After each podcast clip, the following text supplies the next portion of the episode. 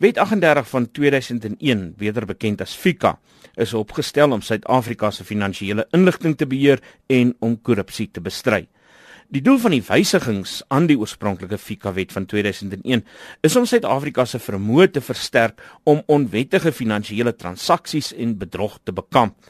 Die wet lê egter van April af al in wag om deur die minister geteken te word en Suid-Afrika se internasionale aansien sou groot skade gely het as die wet nie teen 21 Junie in werking sou tree nie.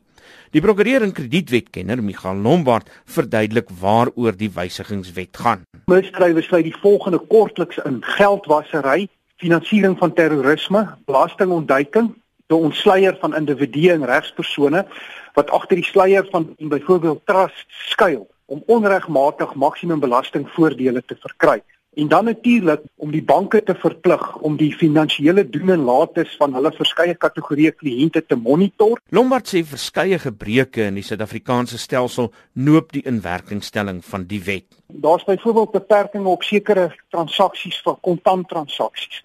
Jy weet, mens kan nou vir jouself die vraag vra as 'n organisasie wat misdrywe pleeg, jy weet as hulle met kontant deel, verseker sal hierdie geld ook in die bank lê en hierdie geld word dan oorgeplaas van een entiteit na 'n ander toe en daar's altyd gesimuleerde transaksies wat daarmee gepaard en die bank is maar net 'n pypleiding wat hierdie transaksies beliggaam. Soos byvoorbeeld die vorige wet het bepaal as 'n transaksie is wat oor R50000 dan moet SARS byvoorbeeld in kennis gestel word daarvan. Maar nou as daar 'n sekere bedrag limite oorskry dan moet die owerhede in kennis gestel word.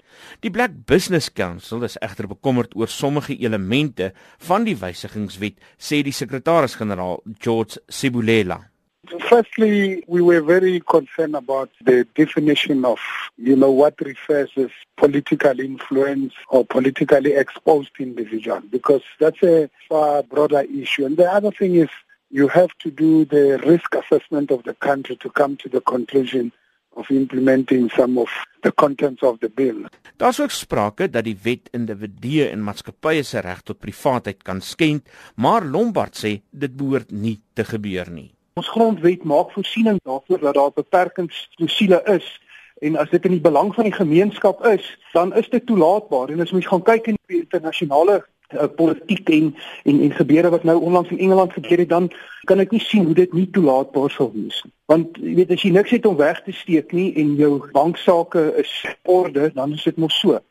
Die verskillende bepalinge van die wysigingswet sal lydens die verklaring op verskillende datums van krag word, naamlik 13 Junie 2 Oktober en datums wat nog bepaal moet word na 2 Oktober, maar nie later as die einde van 2018 nie.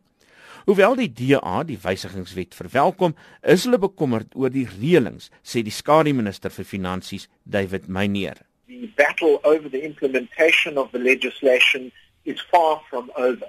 And that is because the section dealing with domestic prominent influential persons doing business with the state, which became known in the legislative process as the Gupta clause, will now be delayed until after the 2nd of October 2017.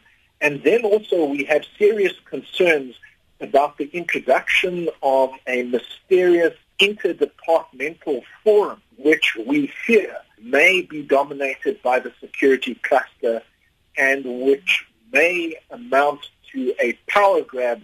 Dit was die DA se skare minister vir finansies, David Meyer. Ek is Isak Du Plessis vir SAK nuus.